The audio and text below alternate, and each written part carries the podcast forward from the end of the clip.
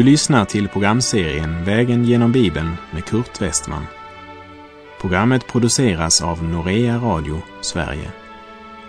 Vi befinner oss nu i Filipperbrevet. Slå gärna upp din bibel och följ med. På vår vandring Vägen genom Bibeln har vi nu hunnit fram till det tredje kapitlet i Filipperbrevet som talar om kostnaden för det kristna livet.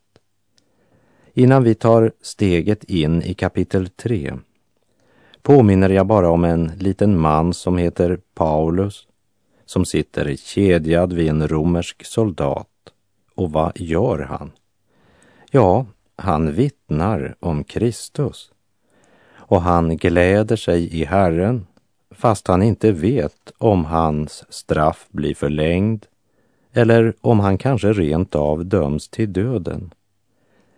Men han vittnar för dem som bevakar honom. Han skriver ett uppmuntrande brev till de troende i Filippi, för han tänker mer på hur de olika kristna församlingarna har det än vad han tänker på sig själv. Han har Kristi sinnelag. Tänk också på Timoteus, en ung man som vandrar runt i den hedniska staden. Vilken tankeväckare till alla dem som säger att man inte kan leva ett heligt liv i ett hedniskt samhälle. Se på Timoteus, för han gjorde det. Han hade Kristi sinnelag. Ta också en titt på församlingsföreståndaren från Filippi, Epafroditus. En gudfruktig och trofast pastor som glömde sig själv och hade uppriktig omsorg för sin församling. Han hade Kristi sinnelag. Efter dessa tre så tar jag en titt på Kurt Westman och så säger jag till honom Sluta att komma med så många ursäkter för den tid i vilken du lever. Det är inte tiden du lever i som är problemet, Kurt. Det är sättet du lever på. Om Paulus, Timoteus och Epafroditus kunde präglas och formas av Kristi sinnelag så kan också du och jag präglas av det. Vi kan få Kristi sinnelag. Inte genom att försöka kopiera Kristus, men genom att erkänna vårt totala beroende av Kristus. Att vara beroende av honom för vart steg vi tar på vandringen då kan Guds ande göra sin gärning i våra liv. Det är vårt djupaste behov idag. Inte nya knep, inte nya idéer, men att bli bundna till Kristus på ett sådant sätt att vi blir fullständigt beroende av honom. I Filipperbrevet 1.21 proklamerade Paulus Ty för mig är livet Kristus och döden en vinst. Och det är en kristens livsfilosofi i ett nötskal. Och mönstret eller förebilden fann vi i Filipperbrevet 2.5 var så till sinnes som Kristus Jesus var. Och när vi nu kommer till Filipperbrevets tredje kapitel så talas det om priset man vinner om man vandrar den vägen. Och som Paulus sammanfattar med orden i Filipperbrevet 3.14 och löper mot målet för att vinna det pris där uppe som Gud har kallat oss till genom Kristus Jesus. I Filipperbrevets tredje kapitel ska vi höra att Paulus gjort en total omvärdering av alla sina tidigare meningar. Hela hans livs bokföring är totalt förändrat, både när det gäller ögonblicket men också när det gäller framtiden. Det var Paulus fasta övertygelse att Gud skulle upprätta sitt rike här på denna jord. Och den ändrades aldrig efter att Jesus uppenbarat sig för hans hjärta och hans livs ankare kastats på evighetens underbara strand. Vi läser Filipperbrevet 3, vers 1. För övrigt, mina bröder, gläd er i Herren. För mig är det inte besvärligt att skriva samma sak till er och för er är det säkrast så. Vi uppmanas ofta att glädja oss i Herren. Och det handlar alltså inte bara om att vi ska glädja oss, för det ska vi. Men du som gläder dig, det är väl i Herren du har din glädje. Den här förmaningen var det speciellt viktigt att upprepa när någon under andligt sken försökte få de troende att bygga på något annat än nådens grund i Kristus. Också i det tredje kapitlet i Filipperbrevet är det orden i Herren som är nyckeln till hela kapitlets innehåll. Och lägg märke till att han säger För mig är det inte besvärligt att skriva samma sak till er. Och här tror jag att han syftar till vad han skrivit till församlingen i Galatien, där judaisterna nästlat sig in och förkunnat att det nog var viktigt att tro på Herren Jesus, men att de också måste hålla lagen om de skulle bli frälsta. Tron plus lagen var judaisternas religion. Tron plus ingenting var Paulus svar. Paulus ser egentligen ingen orsak att gå till rätta med församlingen i Filippi på den punkten. Men friheten i Kristus är en hjärtesak för Paulus. Och för honom är det inte besvärligt att skriva samma sak till vännerna i Filippi. Och för dem var det säkrast att han gjorde det.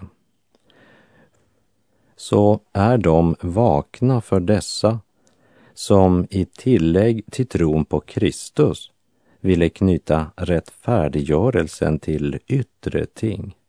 Vi läser Filipperbrevet 3, vers 2. Se upp för hundarna. Se upp för de onda arbetarna. Se upp för de sönderskurna. Judaisterna la stor vikt vid omskärelsen medan Paulus kallar dem för de sönderskurna och detta fastän han själv var omskuren. Men i Romarbrevet 2.28 säger han, den är inte jude som är det i det yttre. Och omskärelse är inte något som sker utvärtes på kroppen. Se upp för hundarna, vilket språk han använder. Men när vi läser de orden ska vi komma ihåg att Paulus kunde stora delar av Gamla testamentet utan till. Och kanske är det orden i Jesaja 56, vers 10 och 11 som gett honom uttrycket hundarna.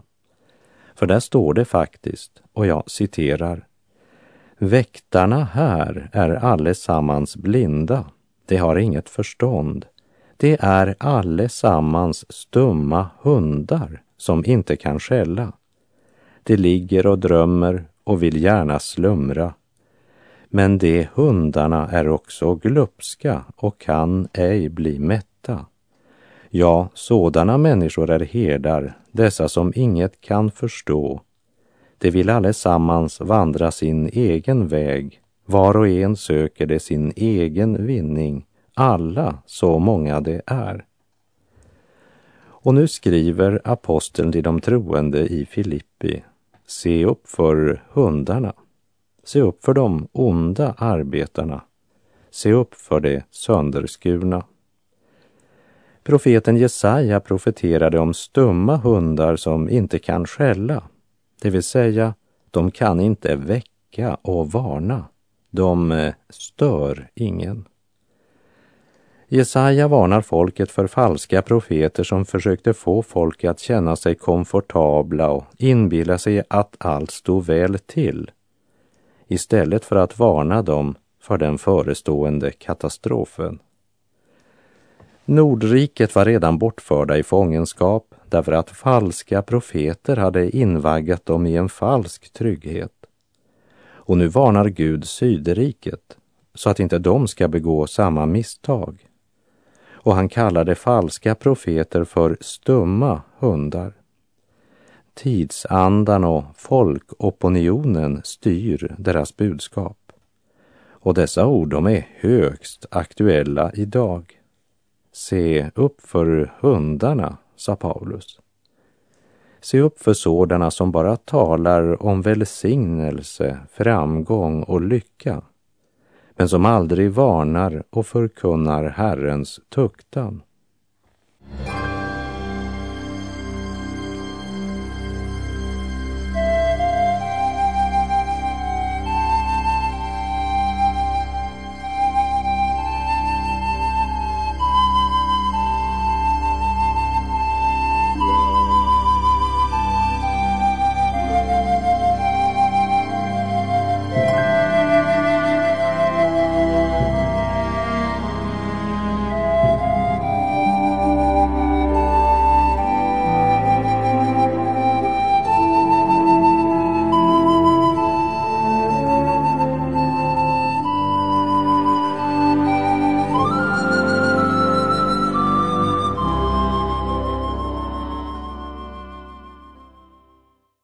Se upp för de onda arbetarna. Vargar i fårakläder. Det är inte kärleken till Kristus som driver dem och det ligger en smula ironi i ordet arbetare. Inte bröder eller tjänare, utan arbetare. De var innanför församlingens väggar, var ofta väldigt aktiva och menade gärna om sig själva att var någon arbetare så var det de. Men de var inte ärliga. De var inte det de gav sig ut för att vara. De var inte den gode herdens tjänare utan bara onda arbetare drivna av själviska motiv. Se upp för de sönderskurna. Det är otroligt rakt på sak. Kan verkligen en Herrens tjänare med Kristi sinnelag använda så starka ord om andra som också menar sig tjäna Gud? Många säger ju att vi ska inte polemisera, inte strida om ord. Och visst kallar Jesus oss att vara både fördragsamma och ödmjuka. Men Jesus är aldrig föredragsam mot villfarelse. Tänk bara på vad Jesus säger till fariseerna och skriftlärda i Matteus 23.13. Ve er skriftlärda och fariseer, ni hycklare. Ni stänger himmelriket för människor. Själva kommer ni inte in och dem som försöker komma dit hindrar ni att komma in. Och i Matteus 23, vers 27 och 28 säger han Ve er skriftlärde och fariseer, ni hycklare. Ni liknar vitkalkade gravar. Utanpå ser det vackra ut, men inuti är de fulla av det dödas ben och all slags orenhet. Så är det också med er. Utanpå ser ni ut att vara rättfärdiga, men inuti är ni fulla av hyckleri och ondska. Vi har blivit anförtrodda Guds ord, Guds heliga evangelium. Och i Johannes åttonde kapitel så säger Jesus till de judar som hade kommit till tro på Jesus som Messias. Om ni förblir i mitt ord är ni verkligen mina lärjungar och ni ska förstå sanningen och sanningen ska göra er fria. Och vi ser vad Paulus skrev till galaterna i Galaterbrevet 1, vers 6 till och med 8. Jag är förvånad över att ni så hastigt avfaller från honom som har kallat er genom Kristi nåd och vänder er till ett annat evangelium fast det inte finns något annat. Däremot är det några som skapar förvirring bland er och vill förvränga Kristi evangelium. Men om det än vore vi själva eller en ängel från himlen som predikade evangelium för er i strid med vad vi har predikat, så ska han vara under förbannelse. Det är hårda ord. Men det är klart och rakt på sak. Jag ved det Guds barn som har fördrag med dem som förvanskar evangelium. Och för oss som verkligen lever i avfallets tid så är dessa ord högst aktuella. Och vi bör lägga märke till att dessa som förkunnade att man förutom tron på Jesus måste omskära sig kallar Paulus för det sönderskurna. Det är ju verkligen ett nedlåtande sätt att omtala omskärelsen. Men det uttrycker Paulus principiella syn på omskärelsen. Han jämför det med kastrering. Och lägg nu noga märke till vad Paulus säger i Filipperbrevet 3.3. Det är vi som är det omskurna, vi som tjänar genom Guds ande och berömmer oss av Kristus Jesus och inte förlitar oss på yttre ting. Det är vi som är det omskurna. Vad menar Paulus med det? Ja, det uttrycker han klart i Galaterbrevet 6.15. Det har ingen betydelse om man är omskuren eller oomskuren. Det som verkligen betyder något är en ny skapelse. Den gamla omskärelsen som var den gamla paktens tecken har haft sin tid. Men nu, i det nya förbundet, så är det inte en yttre handling Gud ser efter, men en ny skapelse. En ny födsel, en ny attityd i förhållande till Gud. I Romarbrevet 2, vers 28 och 29 står det Den är inte jude som är det till det yttre och omskärelse är inte något som sker utvärtes på kroppen. Den är jude som är det i sitt inre. Och hjärtats omskärelse sker genom anden och inte genom bokstaven. En sådan får sitt beröm inte av människor utan av Gud.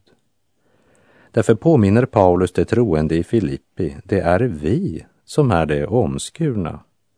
Vi som tjänar genom Guds ande och berömmer oss av Kristus Jesus och inte förlitar oss på yttre ting. Inte förlitar oss på yttre ting. Vi har inget som helst förtroende för vår gamla natur. Vi försöker inte förbättra den och vi tröstar oss inte till några ceremonier eller ritual. Frågan handlar inte om man är omskuren eller oomskuren, men om man är en ny skapelse. Men nu var det uppenbart några av dessa som förkunnade tron på Jesus plus laggärningar och som gärna dök upp efter att Paulus hade rest och som talade ungefär så här. Ja, vi vet ju att Paulus säger att vi inte ska ha någon förtröstan till vårt kött, det vill säga att vi inte ska bygga på några ritualer eller ceremonier eller offer och att lagen inte kan frälsa oss. Men det säger han bara därför att han har inte så mycket att trösta sig till. Han har inte samma bakgrund i judaismen som vi har.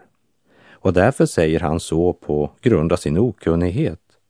Och därför att han själv har misslyckats att leva upp till lagens krav så är det helt naturligt att en sån som han inte har något yttre att förlita sig på. Och nu svarar Paulus på sådana påståenden i Filipperbrevet 3, vers 4 fast också jag kunde förlita mig på yttre ting. Ja, om någon menar han kan förlita sig på yttre ting så kan jag det ännu mer.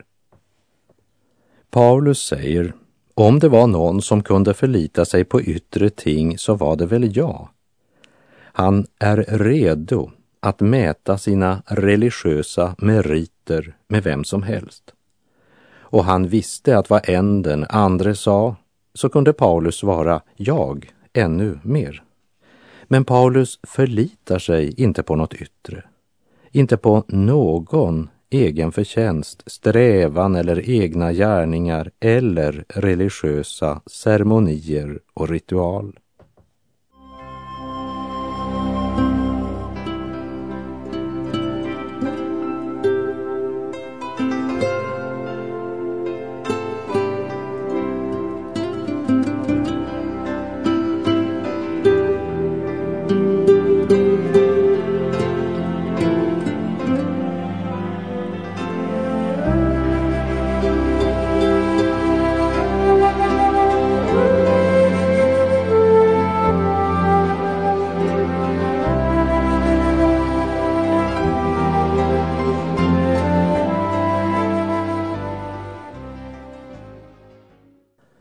Om någon menar att han kan förlita sig på yttre ting så kan jag det ännu mer, säger Paulus.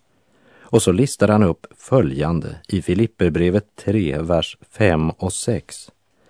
Jag som blev omskuren på åttonde dagen och som är av Israels folk och Benjamins stam, en hebre född av hebreer jag som i fråga om lagen var en farisé, i fråga om iver en förföljare av församlingen, i fråga om rättfärdighet den som vinns genom lagen, en oklanderlig man.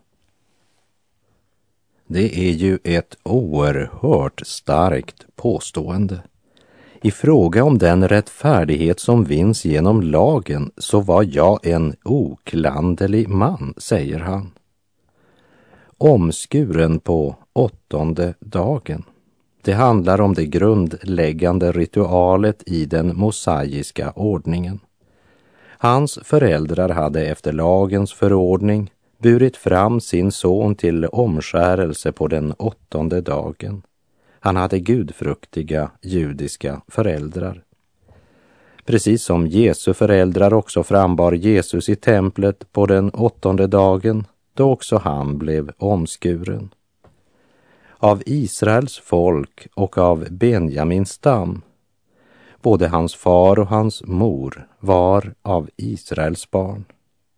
Jakob var en av de tre patriarkerna och hans yngste son hette Benjamin och Benjamin betyder högra handens son eller lyckosonen. Paulus var av Benjamins stam. Och det var från Benjamins stam Israel fick sin första kung. Oklanderlig man efter lagen. Vi kan säga att Paulus här går in på judaisternas premisser och argumenterar på deras plan. Han säger inte att han var syndfri. Men när det gällde de yttre gärningar som lagen krävde så hade han inrättat sig efter dem. Och det är inga småsaker han räknar upp. Det var tunga argument bland judaisterna. Och Paulus hade helhjärtat hängivit sig åt denna religiösa strävan, säger han. Men så kommer det ett men som drar en klar skiljelinje. Filipperbrevet 3, vers 7. Men allt det som var en vinst för mig räknar jag nu som förlust för Kristi skull. Det som i ett ögonblick förändrade allt var ett personligt möte med Jesus på vägen till Damaskus.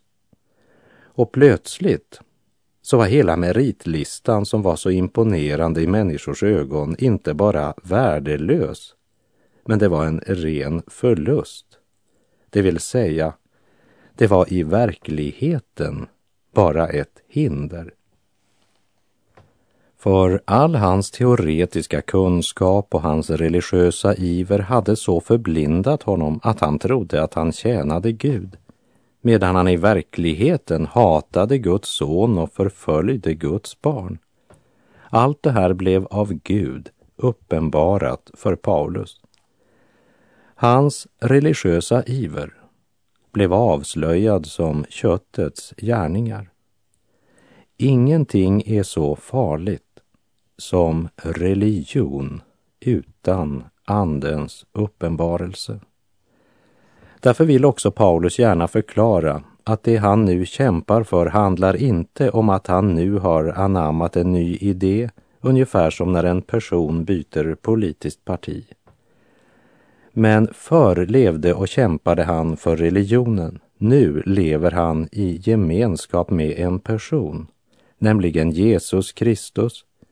Och hans personliga relation till den personen har vänt upp och ner på precis allt. Livet, döden, evigheten, absolut allt. Vi läser i Filipperbrevet 3, vers 8 och 9. Ja, jag räknar allt som förlust därför att jag har funnit det som är långt mer värt, kunskapen om Kristus Jesus, min Herre. För hans skull har jag förlorat allt och räknar det som avskräde för att jag ska vinna Kristus och bli funnen i honom. Inte med min egen rättfärdighet, den som kommer av lagen, utan med den som kommer genom tro på Kristus. Rättfärdigheten från Gud genom tron. Paulus har blivit född på nytt, Guds ande är utgjuten i hans hjärta och det har öppnat hans ögon. Han förstod att det är inte bara ogudaktiga människors ondska och uppenbara synder som är en styggelse för Gud. Men även den naturliga människans religiösa verksamhet är en styggelse eftersom det inte är något annat än köttet. Och det som är fött av köttet är kött och det som är fött av anden är ande, sa Jesus när han undervisade Nikodemus i Johannes kapitel 3. Paulus har inte längre någon egen rättfärdighet, det vill säga han har blivit född på nytt. Och han har förkastat alla grunder som han tidigare byggde på för att vinna Kristus och bli funnen i honom. Inte med min egen rättfärdighet, den som kommer av lagen, säger Paulus, utan med den som kommer genom tro på Kristus. Rättfärdigheten från Gud genom tron. Och med det så är vår tid ute för den här gången. Herren vare med dig. Må hans välsignelse vila över dig. Gud är god. Norea Radio Sverige understödjer radiomission i Indien. Här följer ett lyssnarbrev från Gujarat. Jag lyssnar till ett program, Jevana Guat, varje torsdag. För två veckor sedan kunde jag inte höra programmet. Om ni har ändrat sändningstiderna så ber jag er att meddela det.